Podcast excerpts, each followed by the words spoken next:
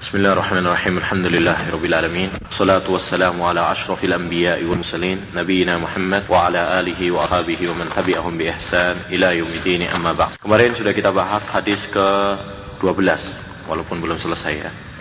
Hadisnya kuntu halfan Nabi sallallahu alaihi wasallam dari Ibnu Abbas.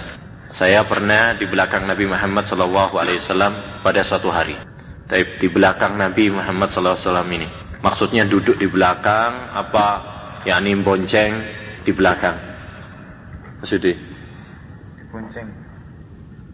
ada dua ada dua kemungkinan. Kemungkinan pertama dia duduk di belakang Nabi Muhammad SAW. Kemungkinan yang kedua dia diponceng di atas kendaraan oleh Nabi SAW. Tapi yang lebih kuat adalah dibonceng oleh Nabi Muhammad Sallallahu Alaihi Wasallam.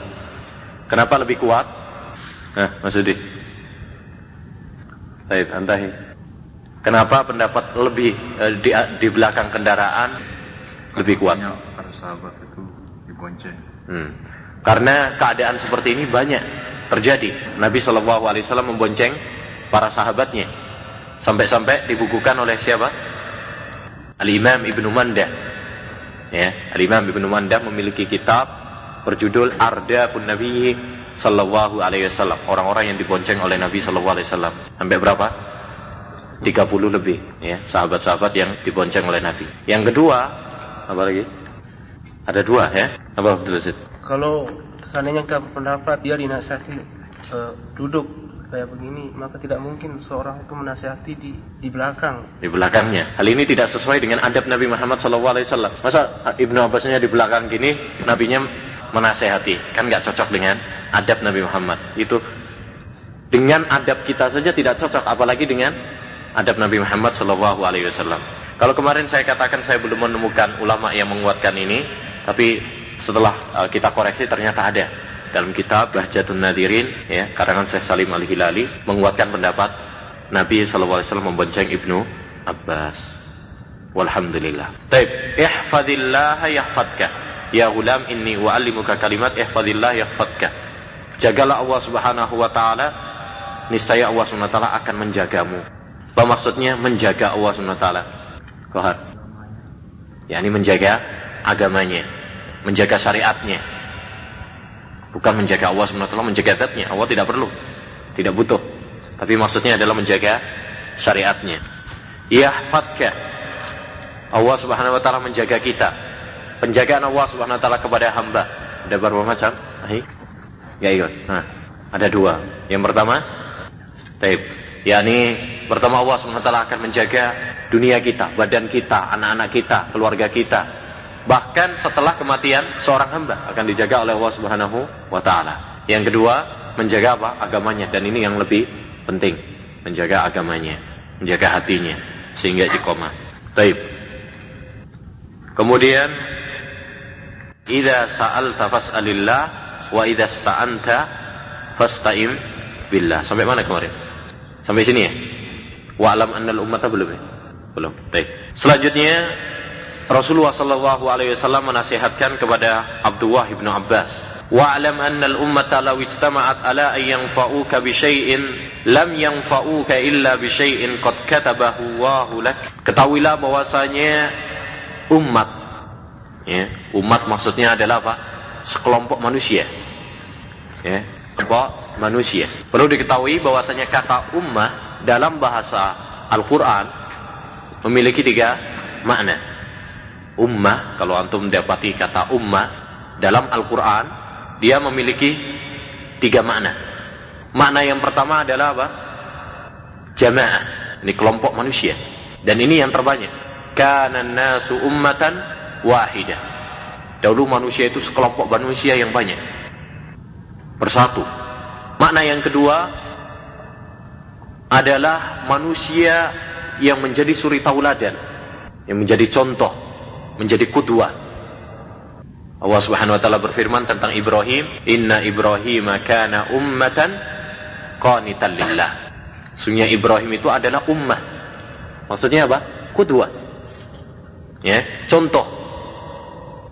Baik. Yang ketiga adalah waktu ya, yang bermakna waktu. Seperti dalam surat Al-Kahfi Faddakara ba'da ummah. Dia ingat setelah beberapa waktu. Ya, beberapa waktu. Jadi makna ummah dalam Al-Qur'an ada berapa? Tiga macam. Yang pertama, yang pertama bermakna jamaah, kelompok manusia dan ini yang paling banyak. Ini yang paling banyak. Kuntum khaira ummah misalkan. Ini adalah sebaik-baik umat yakni sekelompok manusia yang banyak. Yang kedua adalah manusia yang menjadi kudua, suri tauladan. Yang ketiga waktu. Ya. Tapi yang dimaksud dalam hadis ini ummah yang mana ini? Waktu apa bermakna Wa'lam annal ummata, sekelompok manusia, umat, law ijtama'at ala ayyang fa'uka bi syai'in. Kalau mereka bersatu untuk memberikan manfaat kepadamu dengan sesuatu, lam yanfa'uka illa bi syai'in qad katabahu Allahu Mereka tidak bisa memberikan manfaat kepadamu kecuali dengan sesuatu yang telah ditulis oleh Allah Subhanahu wa taala, yang telah ditentukan oleh Allah Subhanahu wa taala. Sebaliknya, sekalipun mereka bersatu ayyadurruka bisyai'in untuk memberikan bahaya madarat kepadamu bisyai'in dengan sesuatu. Lam yadurruka illa bisyai'in qad katabahu Allahu alaik mereka tidak bisa memberikan bahaya kepadamu kecuali dengan sesuatu yang telah ditetapkan oleh Allah Subhanahu wa taala pada dirimu. Rufi'atilamu wa jaffatis suhufu. Ya, pena telah diangkat dan suhuf. Ya telah apa? Kering suhuf yakni lembaran. Rawahu tirmidzi wa qala hadisun hasanun sahih. Poin ini memberikan faedah kepada kita dua hal. Yang pertama adalah keterangan dari Nabi Muhammad SAW kepada Ibnu Abbas bahwa apa yang menimpa kepada manusia bahwa apa yang menimpa kepada hamba baik berupa manfaat maupun madarat itu telah ditentukan oleh Allah Subhanahu wa taala. Ya, diambil dari mana? Wa'lam annal ummata law ijtama'at ala ay yanfa'uka bi syai'in lam yanfa'uka illa bi syai'. Jadi semuanya telah apa? ditentukan oleh Allah Subhanahu wa taala. Apa yang menimpa hamba, baik berupa manfaat maupun madarat telah ditentukan oleh Allah Subhanahu wa taala. Oleh karenanya hal ini menjadikan kepada seorang hamba untuk mentauhidkan Allah Subhanahu wa taala. Untuk hanya minta pertolongan kepada Allah Subhanahu wa taala semata. Ya, minta bantuan hanya kepada Allah Subhanahu wa taala. Karena semuanya telah ditakdirkan oleh Allah, telah ditentukan oleh Allah Subhanahu wa taala. Ya. Tidak ada kekuatan hamba, walaupun manusia seluruhnya yang ada di dunia ini bersatu untuk membahayakan dirimu atau memberikan manfaat kepadamu kalau Allah Subhanahu wa taala tidak menginginkannya tidak ada yang bisa mewujudkannya. Ya saya akan berikan satu contoh yaitu usaha Nabi Muhammad sallallahu alaihi wasallam untuk mendakwai pamannya yang tercinta. Siapa? Abu Talib. Ya untuk mengislamkannya. Nabi sallallahu alaihi wasallam sangat berusaha untuk mengislamkannya. Tetapi Allah Subhanahu wa taala dengan hikmahnya ya tidak menghendaki hal itu terjadi.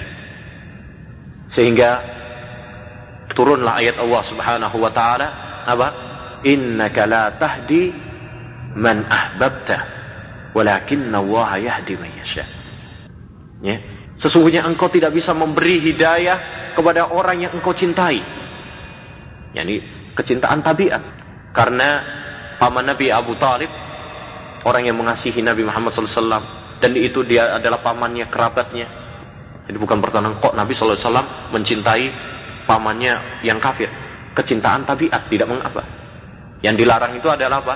Cinta yang bersifat loyalitas karena agamanya. Tapi Bayangkan Nabi Muhammad wasallam, seorang yang paling dekat dengan Nabi Muhammad dengan Allah Subhanahu wa taala, tidak bisa mengislamkan seseorang yang dia cintai. Ya. Kenapa? Karena Allah Subhanahu wa taala di tangannya ya segala sesuatu.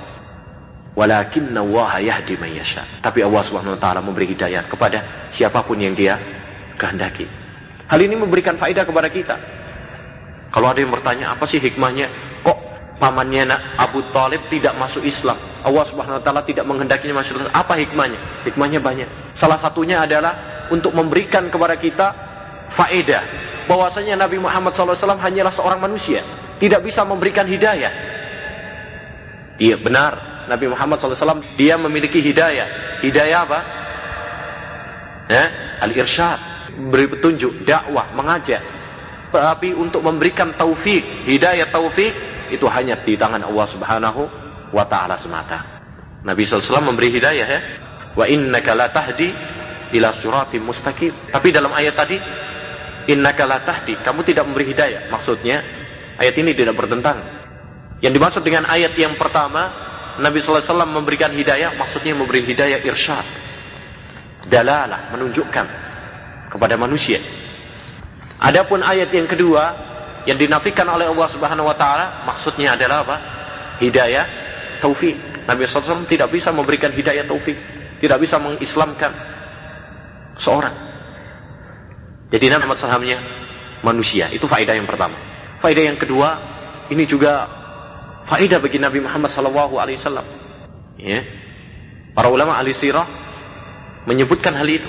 Kalau seandainya mungkin pamannya Abu Talib itu Islam, ya, tentu orang-orang kufar Quraisy akan mudah untuk apa? Bunuh Nabi Muhammad wasallam untuk menyakiti Nabi Muhammad SAW karena tidak ada yang melindunginya. Ya. Karena Abu Talib adalah kafir dan dia diwibawai oleh tokoh-tokoh Fuad, ya, akhirnya mereka pun segan untuk menyakiti Nabi Muhammad Wasallam. Demikian juga sebaliknya, ya, demikian juga sebaliknya. Kalau semua manusia berusaha untuk memberikan madarat bahaya kepada kita, kalau itu tidak diinginkan oleh Allah SWT, tidak dikehendaki oleh Allah SWT, tidak bakal terjadi. Jadi semuanya telah diatur oleh was, ditentukan oleh Allah Subhanahu taala. Hal ini menjadikan kita apa? Tawakal hanya kepada Allah Subhanahu wa taala. Ya. Wa 'ala Allahi fatawakkalu in kuntum mu'minin. Hanya kepada Allah lah hendaknya kalian bertawakal. Bayangkan. Eh, perhatikan. Wa 'ala Allahi maf'ul bih diawalkan. Maf'ul bih 'ala Allahi ini maf'ul bih diawalkan, dikedepankan padahal maf'ul bi asalnya di terakhir. Fatawakkalu, hanya kepada Allah lah hendaknya kalian bertawakal. Menunjukkan kepada kita bahwa tawakal hendaknya hanya kepada Allah Subhanahu wa taala saja, tidak boleh kepada selain Allah Subhanahu wa taala. Sama persis dengan firman Allah, "Iyyaka na'budu wa iyyaka nasta'in." Hanya kepada Engkau kami beribadah dan hanya kepada engkau kami minta pertolongan. Jadi apa faedah yang dapat kita ambil dari poin ini? Bahwa semuanya, eh, semua yang terjadi pada hamba, menimpa hamba, baik berupa manfaat maupun madarat, semua itu telah ditentukan oleh Allah Subhanahu wa taala. Sehingga hal itu menjadikan bagi hamba untuk apa? Hanya mentauhidkan Allah Subhanahu wa taala semata, minta pertolongan hanya kepada Allah dan bertawakal hanya kepada Allah Subhanahu wa taala. Allah berfirman, "Qul la yusibana illa ma kataballahu lana huwa maulana." Ya, katakanlah, tidak ada yang menimpa kepada kami kecuali apa yang telah ditentukan oleh Allah Subhanahu wa taala kepada kami. Dan Allah Subhanahu wa taala juga berfirman, "Wa ma asabakum min musibatin wa ma ma asaba min musibatin fil ardi wala fi anfusikum illa fi kitab." Tidak ada yang menimpa suatu musibah di bumi dan musibah yang menimpa kepada kalian kecuali semua itu telah ditentukan oleh Allah Subhanahu wa taala, ditulis oleh Allah Subhanahu wa taala dalam Lauhul Mahfuz. Baik. Faedah yang kedua yang dapat kita ambil dari poin tadi adalah bahwa apa yang telah ditulis oleh Allah Subhanahu wa taala di Lauhul Mahfuz semuanya telah selesai. Tidak bisa di rubah. Diambil dari kata rufi'atil aklam wajaffatis suhuf. Rufi'atil aqlam wajaffatis as-suhuf. Telah diangkat pena. Maksudnya apa? Tidak bisa dirubah lagi. Ya, semua telah ditentukan Allah Subhanahu wa taala. Kematiannya, amalnya, ya, kebahagiaan dan kesengsaraannya, umurnya, semuanya, rizkinya telah ditentukan oleh Allah Subhanahu wa taala dan ditulis dalam Lauhul Mahfud tidak bisa dirubah. Ya, kalau ada yang berkata, kalau begitu apa faedahnya kita beramal? Toh kita semuanya telah ditentukan oleh Allah Subhanahu wa taala. Udah, biar aja. Kita nyantai-nyantai aja kalau memang nanti takdirnya masuk surga ya dapat surga. kalau memang masuk neraka ya memang lagi apa? nasibnya. Ya. Kerumitan ini telah pernah ditanyakan oleh para sahabat kepada Nabi Shallallahu alaihi wasallam. Ya. Mereka berkata setelah Nabi menjelaskan hal itu, "Fafimal amal ya Rasulullah." Kalau begitu, untuk apa kita beramal wahai Nabi? Jawab Nabi apa? La i'malu fakullun muyassarun lima khuliqalah. Tidak. Tapi beramalah karena semuanya akan dimudahkan oleh Allah Subhanahu wa taala ya, terhadap apa yang dia amalkan. Ya, kalau dia dimudahkan masuk surga, maka akan dimudahkan oleh Allah Subhanahu wa taala melakukan suatu amalan yang dapat mengantarkannya ke surga. Demikian juga sebaliknya. Karena kita tidak tahu benar Allah Subhanahu wa taala telah menentukan kita surga dan neraka. Tapi apa kita tahu? Kalau kita ini termasuk surga, termasuk penduduk surga atau neraka? Nggak tahu kan? Kalau memang tidak tahu, maka semua orang dengan fitrahnya dan dengan akal sehatnya tentu akan milih apa? Ya masuk surga. Maka dengan demikian berusahalah ya, ambillah beberapa sebab yang dapat mengantarkan kamu kepada surga Allah Subhanahu wa taala. Ya. Oleh karena itu para ulama sepakat dan orang yang berakal pun sepakat ya, tidak boleh menjadikan takdir sebagai alasan dalam melakukan maksiat. Ya. Kalau ada orang misalkan melakukan maksiat, mencuri, kalau kamu tanya, ngapain kamu mencuri? Emang sudah takdirnya. Apa jawabannya? Jawabannya ada dua macam. Jawaban yang pertama, ya, secara dalil. Secara dalil dulu. Ya, secara dalil. Kasih dalil. Bahwasanya mencuri itu haram. Dan dalam Islam hukumnya apa di? Dipotong. Wasariku wasarikatu fakta'u aidiyahuma. Ya, pencuri laki-laki dan pencuri perempuan, potonglah kedua tangannya. Dan kasih dalil-dalil yang lainnya. Kalau belum terima, apa? Kasih yang akal-akalan. Ya, yaitu apa? Dengan tangan. Tonjok aja ya. Kalau dia kesakitan, ngapain kamu nonjok saya? Bilang, ini juga takdir. Kalau kamu mencurinya dengan takdir, saya mukul kamu juga takdir. Kalau kamu nggak terima saya pukul, ngapain kamu juga apa? Mencuri. Paham ya? Jadi ada Pak Nabi pakai dalil dulu. Kalau dia nerima, ya alhamdulillah. Kalau nggak terima, orang itu kadang susah. Eh, kalau dikasih lembut nggak bisa, kasih agak kasar dikit. Ya, tapi jangan sampai masuk rumah sakit ya. Apalagi kalau masuk kuburan. Ya, untuk sebagai pendidikan. Ya, baik. Dan itu pun lihat-lihat. Tidak sembarangan kemudian dipraktekkan. Kepada siapa? Ya. Kalau yang agak gede, ya, yang nempelingnya agak orang kurus ya jangan. Nah itu ya mungkin kepada bapak, kepada anaknya atau kepada misalkan orang-orang yang diberi apa kekuatan gitu ya. Yakni misalkan orang polisi atau yang memang diberi wewenang dalam hal ini. Adapun kalau kepada sembarangan orang ya mungkin nanti tambah meruncingkan masalah. Nah, jadi semuanya telah ditentukan oleh Taib. Ada masalah lagi. Kalau memang semuanya telah ditentukan oleh Allah Subhanahu wa taala, Bagaimana dengan beberapa hadis yang mengindikasikan adanya perubahan dalam takdir? Seperti hadis Man sarrahu ayyub satalahu fi rizkihi wa yunsa'a fi atarihi falyasil rahimahu. Barang siapa yang ingin dipanjangkan umurnya, diluaskan rizkinya, maka hendaknya dia silatur rahmi, menyambung silatur rahmi. Tuh. Umur kan sudah ditentukan, rizki kan sudah ditentukan. Lah kok kemudian apa? pengen dipanjangkan atau diluaskan rizkinya. Berarti kan apa? Ada perubahan. Ya. Kita katakan tidak ada kerepotan dalam hadis ini. Atau repot? Enggak repot? Enggak, alhamdulillah. Caranya bagaimana? Cara memahami hadis ini. Kelihatannya bertentangan kan? Kan sudah ditentukan. Kok Nabi wasallam mengatakan barang siapa yang dipan, pengen dipanjangkan umurnya, pengen dipanjangkan berarti aslinya 50 jadi 55 misalkan. Ya. Baik. Kita katakan pemahaman yang benar benar.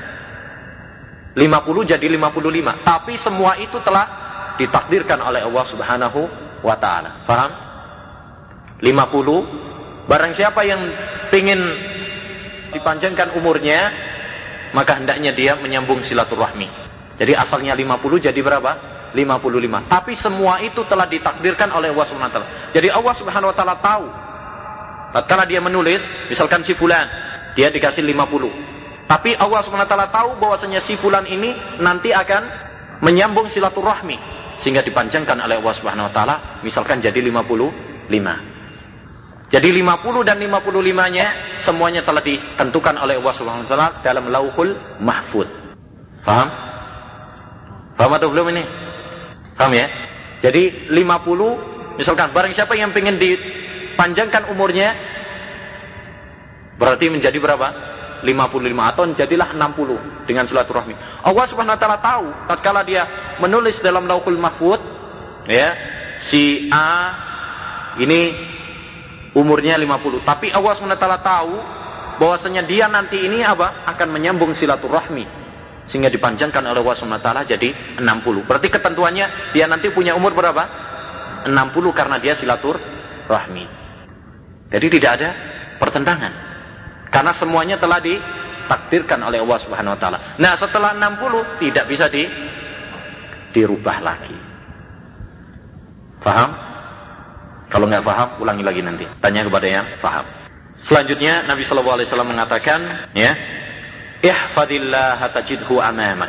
Dalam riwayat selanjutnya ya, ihfadillah tajidhu amama. Jagalah Allah swt, maka niscaya kamu akan mendapati Allah swt di depan. yakni Allah swt akan membantumu. Allah swt akan melapangkan kesusahanmu. Ya, sama seperti ihfadillah yahfadka. Ta'arraf ila Allahi fir raha ya'rifka fis. Jagalah Allah Subhanahu wa taala, yakni jagalah syariatnya, jagalah perintahnya, jauhi larangannya. Ya. Fir raha dalam masa yang dalam keadaan lapang, dalam keadaan senang, ya'rifka fis syiddah. Niscaya Allah Subhanahu wa taala akan mengetahui kamu ya dalam kesulitan. Jadi barang siapa yang menjaga syariat Allah Subhanahu wa taala dalam keadaan senang, dalam keadaan lapang, maka balasannya adalah Allah Subhanahu wa taala akan mengingatnya, Allah Subhanahu wa taala akan membantunya tatkala dia dalam keadaan kesulitan. Dan ini yang merupakan adat Allah Subhanahu wa taala, kebiasaan Allah Subhanahu wa taala kepada hambanya. Lihat dan perhatikan Nabi siapa Nabi siapa yang dimakan oleh kan? Nabi Yunus alaihissalam apa kata Allah subhanahu wa taala? Falaula annahu kana minal musabbihin ha apa la labisa fi batnihi ila yaumi yub'atsun kata Allah subhanahu wa seandainya dia bukan termasuk orang yang banyak tasbih kepada Allah subhanahu wa taala di waktu lapang di waktu senang. Lala bisa fi batnihi ila yaumi yub'atsun. Tentu dia akan terus di di dalam perut ikan tersebut sampai apa? Ila yaumi sampai dia mati. Tetapi karena Nabi Yunus alaihissalam termasuk orang yang mengingat Allah Subhanahu wa taala, termasuk orang yang bertasbih kepada Allah Subhanahu wa taala dalam keadaan senang, maka Allah Subhanahu wa taala menyelamatkannya. Ini contoh siapa? Nabi Yunus alaihissalam. Sebaliknya, contoh Tawud Fir'aun tatkala ya, musibah telah menimpanya, sudah tenggelam gitu ya, bersama bala tentaranya, begitu dalam kisah itu kan, dalam kisah Al-Quran diceritakan bagaimana Nabi Musa alaihissalam menyeberang lautan yang telah terbelah ya, setelah semuanya selamat Fir'aun dan bala tentaranya di tengah-tengah mengikuti Setelah itu ditenggelamkan oleh Allah Subhanahu wa taala. Firaun dalam keadaan tenggelam apa? Beriman. Aman. Ya. Saya beriman dengan Robnya Nabi Musa alaihissalam dan Harun. Tapi apakah hal itu bermanfaat? Tidak. Ya. Al-ana asoita. Al-ana asoita qablu wa kunta minal mufsidin. Al-ana wa qad asoita qablu wa kunta minal mufsidin. Apakah sekarang kamu baru bertaubat? Ya. Padahal kamu sebelumnya orang-orang yang bermaksiat dan merusak. Jadi ingat, bedakan antara Nabi Yunus dengan Firaun. Nabi Yunus alaihissalam dalam keadaan ya terjepit dalam keadaan kesusahan ditolong oleh Allah Subhanahu wa taala. Apa sebabnya? Mengingat Allah Subhanahu wa taala di masa lapang, di masa senang. Dan Firaun ya dihancurkan oleh Allah Subhanahu wa taala di masa kesempitan tidak ditolong. Kenapa? Karena dia dalam masa lapang tidak mengingat Allah Subhanahu wa taala. Ya.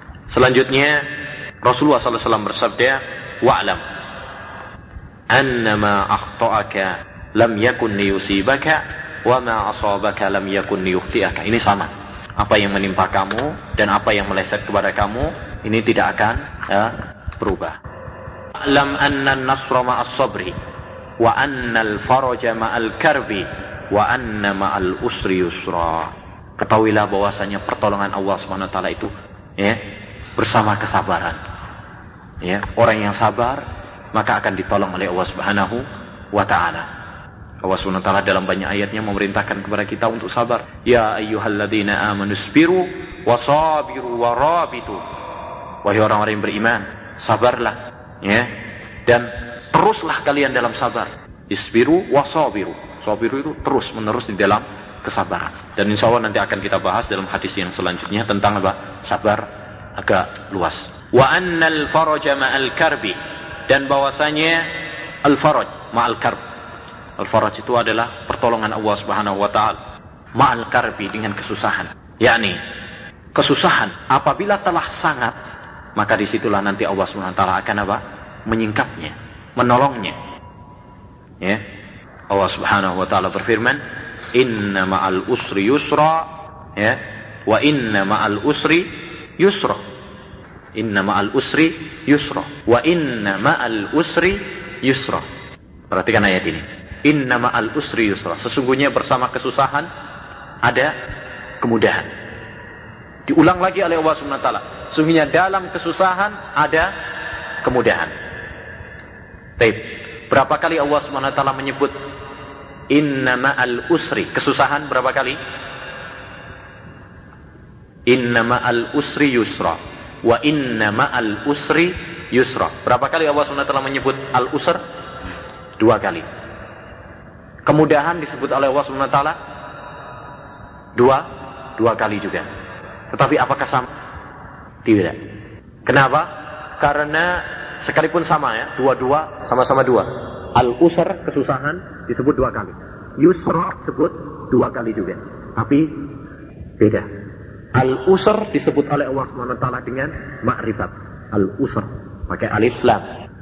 Kalau yusra disebut dengan oleh, Allah SWT dengan nakirah. Tahu ma'rifat nakirah ya? Dalam nahu, dalam bahasa Arab itu ada ma'rifat, ada nakirah. Tandanya ma'al usri ada alif lamnya. Al. Inna ma'al usri. Yusra tidak, itu nakirah. Ya. Mana yang lebih besar? Yang lebih besar adalah yusra. Ya. Yusra. Karena nakirah. Nakirah itu bersifat umum. Dia lebih besar. Oleh karena itu sekalipun di situ secara bilangan sama ya kesusahan disebut dua kali, kemudahan disebut dua kali, tetapi kemudahan lebih banyak daripada kesusahan. Karena kemudahan disebut oleh Allah Subhanahu wa taala secara nakirah, sedangkan kesusahan disebut oleh Allah Subhanahu wa taala dengan makrifat. Ya, oleh karena itu ya ahi, apabila engkau dalam kesusahan, ya, dalam kesusahan, yakinlah bahwasanya Allah Subhanahu wa taala akan menolongmu. Ya, pasti menolongmu. Yakinlah, mintalah kepada Allah Subhanahu wa taala. Banyaklah berdoa kepada Allah Subhanahu wa taala.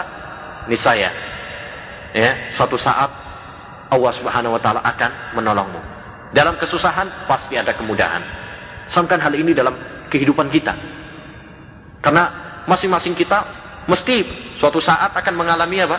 Kesusahan, kesulitan. Ya, apabila mengalami kesusahan, kesulitan, ingatlah bahwasanya Allah Subhanahu wa taala bersama kita. Ya, kita memiliki Rob ya, yang mampu untuk membantu kita dalam segala kesulitan. Apa sih yang tidak dimampu oleh Allah Subhanahu wa taala?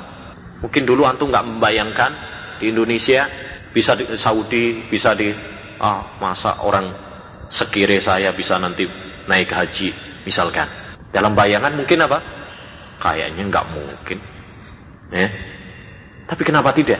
Allah Subhanahu wa taala Maha mampu. Kalau kamu berdoa kepada Allah Subhanahu wa taala, Allah Maha mampu. Demikian juga segala kesulitan. Ya. Jadi segala kesulitan. Kalau kesulitan tersebut bertambah parah, itu pertanda dekatnya pertolongan Allah Subhanahu wa taala. Ingat Nabi Nuh alaihi salam, ingat Nabi Ibrahim alaihi salam tatkala akan dibakar, bagaimana Allah Subhanahu wa taala menolongnya dan menjadikan api dingin. Kuni barda wa salaman ala Ibrahim. Ingatnya, ingatlah Nabi Muhammad SAW dan para sahabatnya. Ya, ditunggu oleh Allah SWT sampai kesulitan itu sangat sulit, baru datang pertolongan Allah Subhanahu Wa Taala. Kenapa? Untuk menguji. Ya, sebatas manakah kesabaran kita? Sebatas manakah doa kita, usaha kita kepada Allah Subhanahu Wa Taala? Kalau bertambah susah kan kita bertambah apa? banyak berdoa kepada Allah. Tapi kalau orang yang baru dikasih musibah sedikit aja sudah mengeluhnya bukan main, ya akhirnya dia meninggalkan doa kepada Allah SWT. Cari kemudian apa? Hal-hal yang diharamkan oleh Allah SWT. Akan saya beri contoh satu saja. Orang yang kena musibah misalkan sakit, ya, atau anaknya, keluarganya kena sakit, ya, kalau dia sabar, banyak berdoa kepada Allah SWT. Suatu saat Allah SWT akan memberikan apa? Jalan keluar. Tapi kalau orang yang tidak sabar, baru dikasih sebentar, sehari, dua hari, mungkin satu minggu, satu bulan. Waduh, ini satu bulan sudah lama. Otaknya sudah pusing. Cari jalan yang diharamkan oleh Allah SWT. Mungkin ke dukun, mungkin ke orang pintar, mungkin ke paranormal, sama aja ya. ya cara-cara yang haram. Tapi diuji oleh Allah SWT apa? Kesabaran tersebut. Kalau dia sabar, Allah SWT akan menolongnya. Sebagaimana sunnatullah kepada para hamba